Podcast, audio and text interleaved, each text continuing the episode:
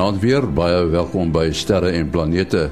Ons het vanaand vir Willie Koorts en uh, Dr. Japie van Sail by ons om te gesels, maar voor dit eers 'n ruimte nuus. Dit wil voorkom of die rooi planeet Mars so elke nou en dan in die nuus kom. Hierdie keer handel dit oor 'n gebeurtenis wat op die 27ste Julie vanjaar plaasvind. Dan is die aarde en Mars in oppositie. Die aarde en Mars wentel teen verskillende snelhede en afstande van die son af. Maar elke 2 jaar gebeur dit dat Mars en die aarde en die son in 'n perfekte reguit lyn lê. Met die aarde in die middel. Dit staan bekend as oppositie. Mars sal ook baie helder wees, die helderste sedert 2003. Mars sal op sy naaste punt 57,6 miljoen kilometer van die aarde af wees. Die afgelope week het ESA, die Europese Ruimteagentskap, sy 43ste bestaanjaar gevier. Die organisasie is op die 30ste Mei 1975 gestig. ESA het ontstaan as gevolg van 'n samesmelting tussen ELDO, die Europese Lanseerontwikkelingsorganisasie, en ESRO, die Europese Ruimtenavordingsorganisasie. Altwee die organisasies is in 1960 gestig om die ruimteaktiwiteite van verskeie Europese nasies te verenig. Veral omdat verskeie ruimtewetenskaplikes na die VSA vertrek het na die Tweede Wêreldoorlog. Tot sover dan 'n ruimtenis. Nou eers Kobus Olkers wat vir ons gaan vertel watter weer daar by die son is. Goeienaand en goeienaand luisteraars. Ja, hier sit ons nou week weer aan die begin van 'n nuwe week. Ehm um, die pragtige mooi sonvlek van verlede week het nou geroteer in 'n geo geo-effektiewe posisie in. Maar hy is 'n pragtige mooi dipool, geen geen teken van enige kompleksiteit, magnetiese kompleksiteit nie. As 'n mens nou op die ekstra foto's sou gaan kyk vir al die uh 211 193 nanometer en so aan uh, golflengte foto's sal ons sien dat hy 'n pragtige mooi boog in die in die ruimte aanmaak van plasma. Maar dit is al wat hy vir ons gaan doen op die oomblik. Daar is geen kompleksiteit nie. Daar is 'n geringe kans dat hy kan dat hy kan uitbars, maar dit is baie baie skral. Die ouetjie wat ons eerder hierdie week 'n bietjie moet aan aandag gee, is 'n koronagat wat nou net mooi geo-effektief is. Hy het so teen uh eergister se koers het sy uh, ejecta begin aankom in die aarde se omgewing. En die is nou ongelukkig dit is afkomstig van 'n area op die son wat negatief gerig is relatief tot die aarde se se magneetveld. En ons kan dus 'n bietjie van 'n verswakking in die aarde se magnetiese magnetosfeer verwag. Ehm um, en as daar dan sou enigiets sou gebeur wat wat enige selfs 'n klein uitbarsting sou sou vir ons kan probleme gee volgende week. Daar is geen filamente te sien uh, aan hierdie kant van die son nie. Daar is ook op die stereo beeld uh, dit lyk nie asof daar enige ander aktiewe aktiewe areas op pad is nie. En dis is ons gevolg vir hierdie week dan uh versteurings in in lang of langafstand kommunikasie. HF en die soort van mense, die radioamateurs moet maar mooi kyk, hulle uh, frekwensies gaan 'n bietjie bond staan. Natuurlik is daar enige iemand is wat gaan auroras kyk, is dit 'n baie baie goeie week daarvoor in die naby aan die noord of aan die suidpool. Uh so die Nieu-Seelanders moet ook maar uitkyk, die mense wat daar is wat luister wat wat na ons luister. En dan is dit natuurlik ook 'n week vir pragtige mooi beelde op die son as jy mens nou na die ekstra foto's gaan kyk by SDO. Die adres internetadres is sdo.gsfc.nasa.gov en dan vorentoe skynstreep data sdo.gsfc.nasa.gov gov altens jammer vorentoe streep data data kyk gerus en geniet dit. Nou ja goeienaand almal. Dit was dan 'n ruimte weer en dit is uh, Kobus Olkers wat ons elke week daaroor inlig Ons het uh, vanaand vir uh, eh, Dr. Japie van Sail van uh, eh, JPL by ons. En as ek sê by ons, is hy veel nader aan ons as normaalweg. Hy sit nie daar in Pasadena, Kalifornië nie, maar hy is op die Afrika kontinent in sy tuisland en dit is Namibië Uh Japie, wat doen jy in Namibië op die oomblik? Nee nee, ek was hier om 'n bietjie praatjies te gee vir skole en uh en so aan en ek het ook 'n praatjie by Namibian University of Science and Technology gegee. Uh, maar maar jy het ook uh, geaanloer by die president, né? Nee? Ja nee, kyk, hy het mos vir my gebel laaste toe ons die uh, Insight satelliet gelanseer het. So ek het toe nou vir hom 'n uh, soort van 'n bietjie uh, met die tong in die een van die lanseringsspanne se hemde gebring sodat hy kan nou ook deel wees van die lanseringsspan. ja, baie interessant. Ons het natuurlik vir Willie Koorts van uh, die SAAO ook by ons. Uh, ek wil begin uh jou eerste Japie um en Willie. Daar is nou 'n berig dat 'n tuig na die son gestuur gaan word. Hy hy gaan baie naby aan die son beweeg, 6 miljoen kilometer van die son af. En dit is uh wat my betref uh gevaarlik naby aan die son. Uh, Japie, wat sou nou gebeur met toerusting as 'n mens so na aan die son is? Hoe hoe skerm mense hom af want daar's geweldige bestraling en 'n uh, klomp ander goed. Ja nee, kyk uh, Henny, dis glad nie 'n grap om so naby aan die son te kom nie. Ehm um, en kyk in die ruimte is daar mos nou nie lig waar jy die ehm um, die goed mee kan uh, lig bedoelende nou die die atmosfeer wat vir jou kan goed help verkoel en so aan nie.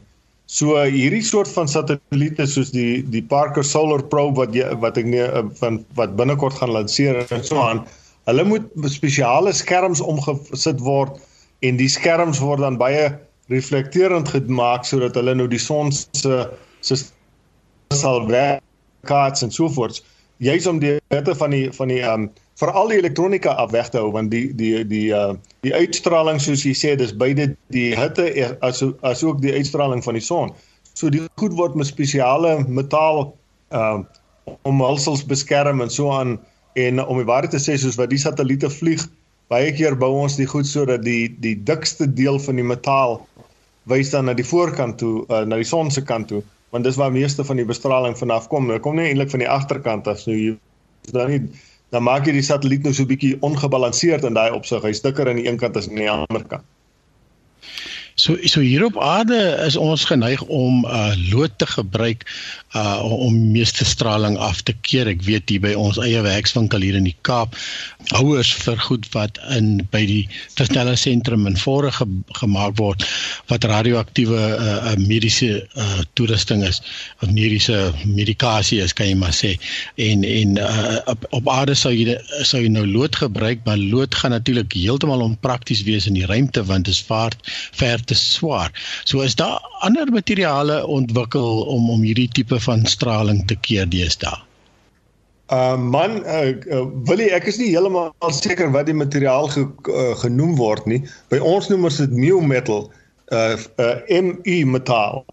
Maar ek weet nie presies waarvoor dit staan nie. Dit wat dit gebruik, hy het die uh, baie die eienskappe van lood in terme van sy af af afskerming, uh maar hy is heelwat ligter.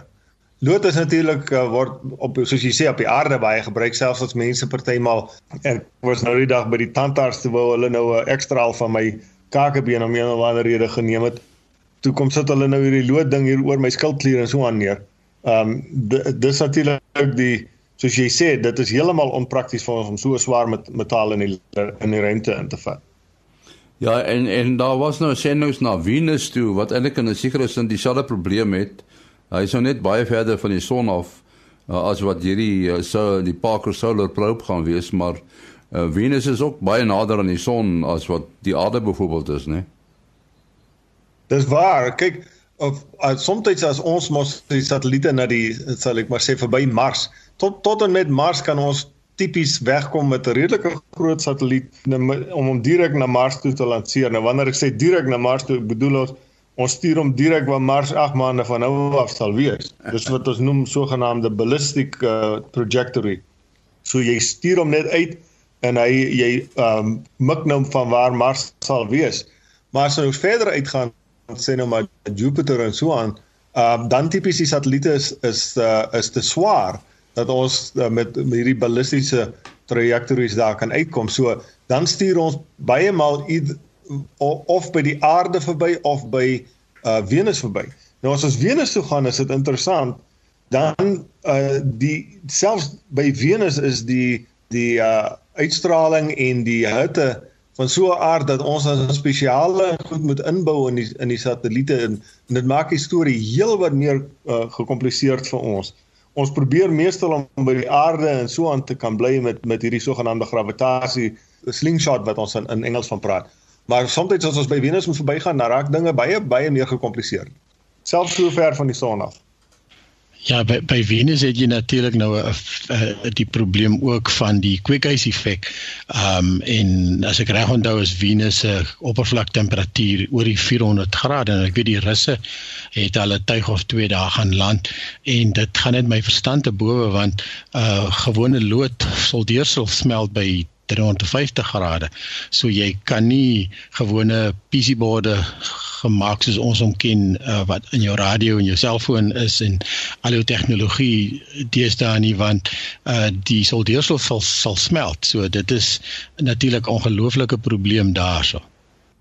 Ja, ons het uh, net so ruk gelede het ons uh, in die sogenaamde New Frontier program van NASA.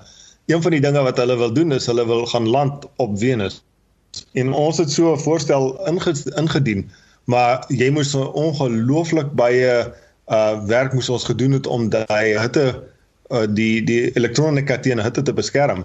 Die probleem is baie keer met hierdie soldeersels gehou kan tin byse by die lood en dan uh, is die temperatuur nou hoër maar uh, die ongelukkige ding in in die ruimte dat hy vorm sulke wat hulle noem whiskers op die op die tin wat dan kan kortsluiting veroorsaak. So met met hierdie hoë temperature is ou is ou maar basies gedwing om bietjie tin by te sit, maar ons hou nie eintlik daarvan nie. En selfs met al daai uh, voorsorgmaatreëls wat ons ingebou het en so aan, sou die ding vir omtrent so 3-4 ure gehou het voordat hy uh, in die hitte in mekaar sou uh, jy weet uh, op opgehou werk het.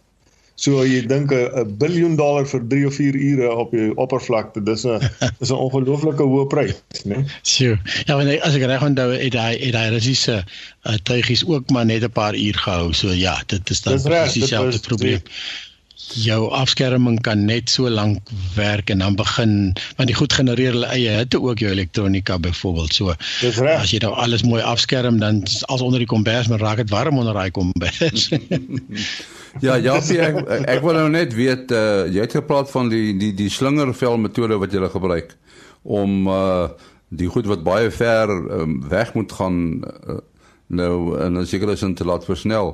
Maar nou so iets soos die baan van Venus uh is het hy 'n baan wat baie gelykmatig om die son is of is dit iets soos Mars wat baie keer verder van die son af is en 'n ander keer nader aan die son?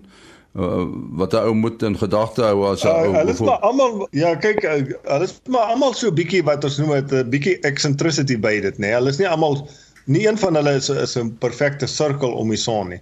Maar kyk ons ons ken die bane goed genoeg sodat 'n ou kan presies uitwerk waar hy waar sou wees en so aan om dan die ehm um, satelliete verby te vat. Maar byvoorbeeld met Juno wat uh, so 'n paar jaar gelede Jupiter toe was wat 2016 na aangekom het, Juno het ons net een keer by die aarde verbygevlieg, maar ons het baie baie naby aan die aarde gevlieg. Om die waarheid te sê, was net ehm um, buitekant die Suid-Afrika oor die Indiese Oseaan was die die laagste punt wat ons gekry het en was 350 km bo die oppervlakte van die aarde het ons met die met Juno verbygevlieg. En uh, op die manier het ons hom versnel uh, dat hy as ek reg onthou, hy's iets so 36 of 38000 km/h toe hy hier weg is, die tweede keer weg is van die aarde af. Uh ons verkies natuurlik om dit met die aarde te doen want dan jy nie al hierdie ekstra moeite met die met die hitte en so aan wat ons in te in moet bou nie. Maar soms moet jy maar partykeer by Venus verbyvlieg en dan by die aarde dan weer by Venus en dan kan jy eers uitgaan. Maar as 'n mens nou byvoorbeeld uh, verby uh, Jupiter sou vlieg en jy wil daar 'n slingervel aksie uitvoer, dan gaan jy geweldige versnelling kan kry as ek reg. Dis reg. Ja nee, jy jy kan uh, sommer 'n redelike hoeveelheid die, die probleem natuurlik is um, afhangende van hoe jy nou af hoe hoog jy verbyvlieg, hy buig jou baan so bietjie terwyl jy nou versnel. So 'n mens moet um, dis dis nogal 'n heel interessante om uit te werk by watter planete kan jy verbyvlieg want op die ouend moet jy nog steeds in die regte rigting vlieg om sê nou maar by Saturnus uit toe kom as jy Saturnus toe wou gegaan. So jy kan nie sommer by enige plek loop verbyvlieg en dink jy kan na by Saturnus uitkom nie. Hulle moet op die regte plek wees wanneer jy by hulle verbyvlieg al so aan om daar uit te kom. Ons het spesiale ouens wat ehm um, wat hierdie goed vir ons uitwerk en dit is vir my net altyd ongelooflik dat hulle die goed so kan uitwerk dat ons tot die sekonde nog steeds op die regte plek aankom op die ouend. Jy praat nou so van uh, dat 'n mens die regte rigting moet moet kies. Uh, Insight is nou blykbaar uh, uh, 'n uh, baan wat reg op Mars afpyl, as ek reg. Ja, ons gaan hom uh, ons het uh, verlede uh, verlede week uh, om so 'n klein bietjie uh, uh, wat ons noem 'n trajectory correction manoeuvre gedoen. Dis een gedoen sover op die ouend gaan ons 6 van hulle doen maar maar 3 van die 6 is binne 8 ure voordat ons by Mars aankom. So die laaste 8 ure pas jy maar gedurig die baan so 'n bietjie aan om seker te maak jy kom op die regte hoogte daaraan teen die regte spoed en so aan sodat jy uh, op die plek gaan land op Mars. Ons is op enige plek loop land. Ehm um, so dit is nogal 'n bietjie van 'n triek om op die regte plek daar aan te kom. Maar uh, ek moet sê die die vuurpyl wat vir ons in die uh, uh, gelanseer het dat ons ongelooflik akkuraat in die baan gesit. So ons het omtrent nie eintlik nodig gehad om met die eerste een te doen nie. Ons het gedoen 'n soort van 'n uh, 'n oefen sessie vir die die wat voor vorentoe gemoed te doen word. Ja, want as 'n mens nou dink aan soos jy nou laaste gesê het, jy praat oor van hierdie ongelooflike uh, goeie manier hoe hulle die goed kan uitwerk. Ehm um, jy het laaste gesê die twee CubeSats gaan nou jy saam omdat die satelliete wat om Mars is reeds uh, op die verkeerde plek gaan sit daai tyd. So is dit ongelooflik dat jy so ver die som vooruit kan maak en en gaan agterkom maar uh, jy jy het uh, jy het ander oë nodig om te help kyk en radio syne oorstuur ensovoorts.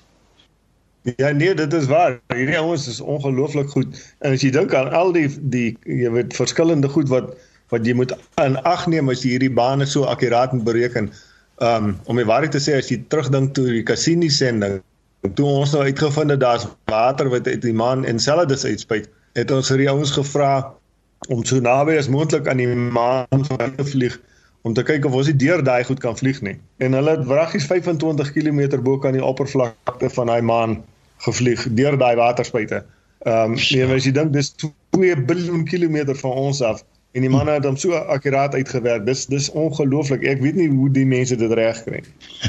ja, hy het hy het 'n ander soort GPS wat hy mee werk. ja. maar maar nou ehm uh, as as 'n 'n tuig soos die uh, Insight nou pad is na na Mars toe. Julle bring ook 'n koerskorreksies aan.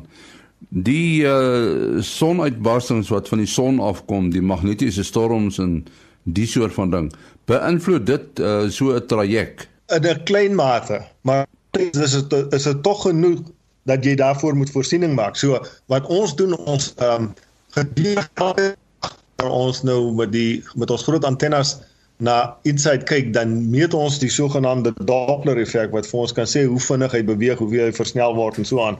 En ons ons meet die om toe akkuraat tot ongeveer 'n sentimeter. So dit is hoe hoe ons weet presies waar hy is en hoe vinnig hy besig is om te versnel en in watter rigting hy versnel en so voort.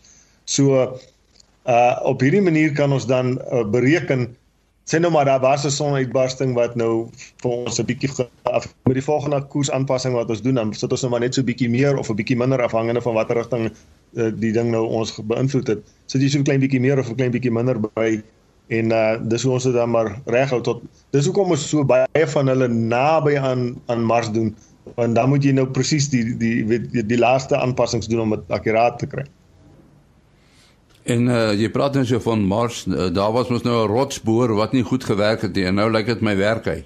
Ja, kyk, hy het mos op 'n op 'n stadium met die boor op op Curiosity het uh kyk hy's uh mense jy mos hier elektriese hore kry jy kan hom ons of op 'n hamer aksie gebruik wat hy so 'n bietjie kap as jy in die, in die of normaalweg net boor. Toe die die uh, boor op Curiosity ook so 'n hamer aksie gehad waarmee ons dan nou in die klippe kon in bietjie harder klippe kon inboor. Maar toe kom na so rukkie as hy so begin van oorsake te kortsluiting in die arm sommer in in toe die manne besluit nee ons moet die hamer aksie op uit probeer uitvind wat. Toe ons na die tyd uitgevind as ons hom net boor As ons nie die hamer aksie gebruik nie, dan veroorsaak dit nie hierdie kortsluitings nie. So dis hoekom my manne nou weer begine boor het. Nou moet ons maar net die arm gebruik om die boor bietjie harder te druk uh as wat uh, jy nodig sou gehad het as jy kon die hamer aksie gebruik. Ja, want want die die die rotsmateriaal is seker maar ewe hard op Mars as wat dit hier is, nê? Nee? Mens mens uh, werk met harde materiaal. Ja, nee, kyk, is waar, maar gelukkig baie van die rotse wat ons so ver geboor het, is redelik sag. Dit is 'n uh, sedimentêre gesteentes. Dit is nou nie die die vulkaanklippe en en die sogenaamde metamorphic rocks en so aan wat nou 'n bietjie harder is nie. So gelukkig vir meeste van die klippe wat ons 'n bietjie meer inligting wil hê, hulle is sag genoeg dat ons hulle kan boor sonder die hameraksie. Ja, dit is seker 'n soort gelyk aan omtrent sandsteen op die aarde, soos jy nou wat natuurlik 'n sedimentêre gesteente ja. is. Sommige van ons net 'n bietjie fynere tekstuur as wat ons normaalweg dink aan sandsteen. Uh maar dit is baie dieselfde as die sandsteen se hard, hardheid, dis waar. Ek het daai dag gewonder en jy het al daaroor gepraat die die spanne wat werk met uh hierdie tye en die bane wat wat hulle hulle moet volg. Jy het nou 'n spesifieke span wat werk met Insight. Uh is daar 'n span wat nog werk met uh, byvoorbeeld Voyager en met met die ander goed? Is hulle aparte spanne of hoe werk dit? Ja, kyk ons het aparte spanne wat dit is so 'n sogenaamde operations team. Hulle is die ouens wat die ding dophou, uh jy weet en hulle hulle uh, die telemetry van die ding af analiseer en so aan. So ons het ja, vir elke satelliet wat daar vlieg, daar so 'n paar mense, tipies so 2 of 3 van hulle wat uh net op die satelliet werk. Ander navigasie ouens, hulle hulle werk um aan al hierdie goeders gelyk. Maar het jy nie ook gesê dat hulle ook werk doen vir byvoorbeeld uh, ESA nie? Ja, kyk om omtrent alle uh ehm uh, satelliete wat verder as die maan gaan, ondersteun ons uh, die navigasiespanne.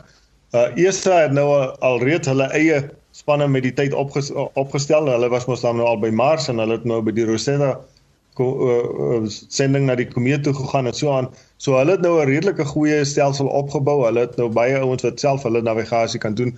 So ons doen maar wat ons noem shadow navigation vir hulle. Net in geval daar iets kan hy help ons nou kyk wat aangaan en so. Maar byvoorbeeld vir uh, Japan het ons al gehelp en vir vir Indië met hulle um MOM satelliet wat na die wat Mars toe gegaan het, help ons maar altyd. Jy is nou die direkteur van uh sonnestelsel eksplorasie daar by JPL. Uh, en uh, ek dink die naam sê dit nou al klaar, jy werk nou met die sonnestelsel, nie meer so met die aardgebonde satelliete nie, né? Nee. Nee, dit is 'n uh, dis 'n spesiaal uh, ander afdeling in in JPL sal ek maar sê wat die wat die aarde bestudeer. Ek het 'n uh, uh, lankryk uh, terug daarin gewerk, maar toe ek mos nou astrofisika toe gegaan eers en nou is ek by die sonnestelsel verkenning, ja. Want uh, ek ek hoor hulle praat van uh, die sogenaamde atmosferiese riviere. Uh, ek weet nie of jy al die woord gehoor het nie, maar dit is uh, lugstrome wat blykbaar baie hoog en baie vinnig en en en, en ver loop en dat hierdie uh noem dit maar uh, weerstoestande die die die kan nogal taamlike ekstreme weer veroorsaak. Ek weet nie of of uh, JPL dit ook uh, jy weet ondersoek nie.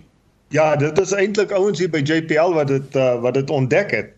Uh dit kom veral van die van die Stille Oseaan af hier in Noord-Amerika in en wat gebeur is in in plaas van dat die die vogtigheid sal ek maar sê in 'n groot breë front uh die land uh, uh instroom van die van die Stille Oseaan af vorm hulle hierdie ongelooflike gekonsentreerde kan hom sien in in met ons satelliete wat die vogtigheid in die in die atmosfeer meet. Dit lyk regtig soos 'n rivier wat uh wat vloei in die land in. En dan bring hulle soos jy nou sê baie ekstreem uh, uh toestande as hulle nou uh met hierdie hoë spoed en hierdie ongelooflike hoeveelheid vog die land tref, dan reën dit nou daar daar dat dit in daai deel waar die rivier inkom. Ja, dis ouens hier by JPL wat dit ontdek het. So hierdie is uh, binne in die atmosfeer self, nie uh uh nie nie glad nie glad nie buite ruimtelik nie. Dit is dit is uh in die in die wat sal nog in die troposfeer wees of wat ook al die die die lae gedeelte daar waar die vliegtye vlieg, nê. Nee. Dis reg, dis in die atmosfeer homself en dit is hoogs gekonsentreerd en dit is nie baie wyd nie. Dit is uh as ek ek probeer nou reg onthou, maar dit is in die omgewing van 10 tot uh, 10 tot uh maybe om met miskien 100 of so so wyd. So dis nie verskriklike breë front soos wat ons normaalweg gewoond is. Jy weet as jy op die weervoorspelling kyk en dan sien jy die hele Wes-Kaap byvoorbeeld gaan reën kry. Dink nou omtrent net Kaapstad se gedeelte word deur so 'n rivier getref wat nou hier in die uh, in die atmosfeer instroom en dan hierdie verskriklike vochtigheid inbring. Sjoe, dit kan ons damme sommer in een storting volmaak, maar natuurlik nou dit gaan vreeslike skade aanrig. ja nee, daai daai Kaapenaars sal sommer uh, moet begin 'n vlug vir al die water wat kom. maar maar jy Sjoe. sê dit is ontdek. Is dit 'n toestand wat uh, lankal reeds bestaan of is dit 'n 'n 'n nuwe ding? Is dit 'n wending, dinge verander? Man nee nee, dis dis moeilik om te sê kyk baie van hierdie goeters uh, men, die die atmosfeer is die die sal ek maar sê die klimaat en so aan is mos maar besig om te verander. Maar ons het ook nie uh toerusting gehad wat ons nou het, jy weet die satelliete wat ons nou deesdae het, het om al hierdie goeters so duidelik te kan meet in in die resolusies wat ons het nie. So dit is nie uh, duidelik of dit 'n nuwe verskynsel is en of ons dit nou maar net vir die eerste keer werklik verstaan hoekom dit soms so so nou en dan klik reën nie. Maar hierdie geweldige storms wat byvoorbeeld in Amerika voorkom, uh wat van die trope af, nie van die van die trope nie, van die pole afkom. Dis 'n nuwe ding want uh jy weet en uh, seker is dit ongekend.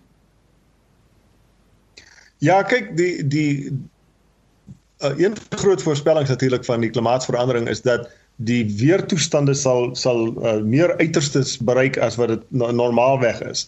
So jy kan verskriklik warm kry. Uh as jy kyk na die in Noord-Amerika ten minste uh die die 16 ek dink 16 van die warmste jare op uh, sedert mense um sal ek maar sê hierdie goed uh um neerskryf is is in hierdie eeu al gedoen. Ons maar 2018, so 16 van hulle was die warmste in in die geskiedenis. Uh, en uh, dan kry jy natuurlik soos jy sê hierdie verskriklike storms wat van die pole se kant af inkom.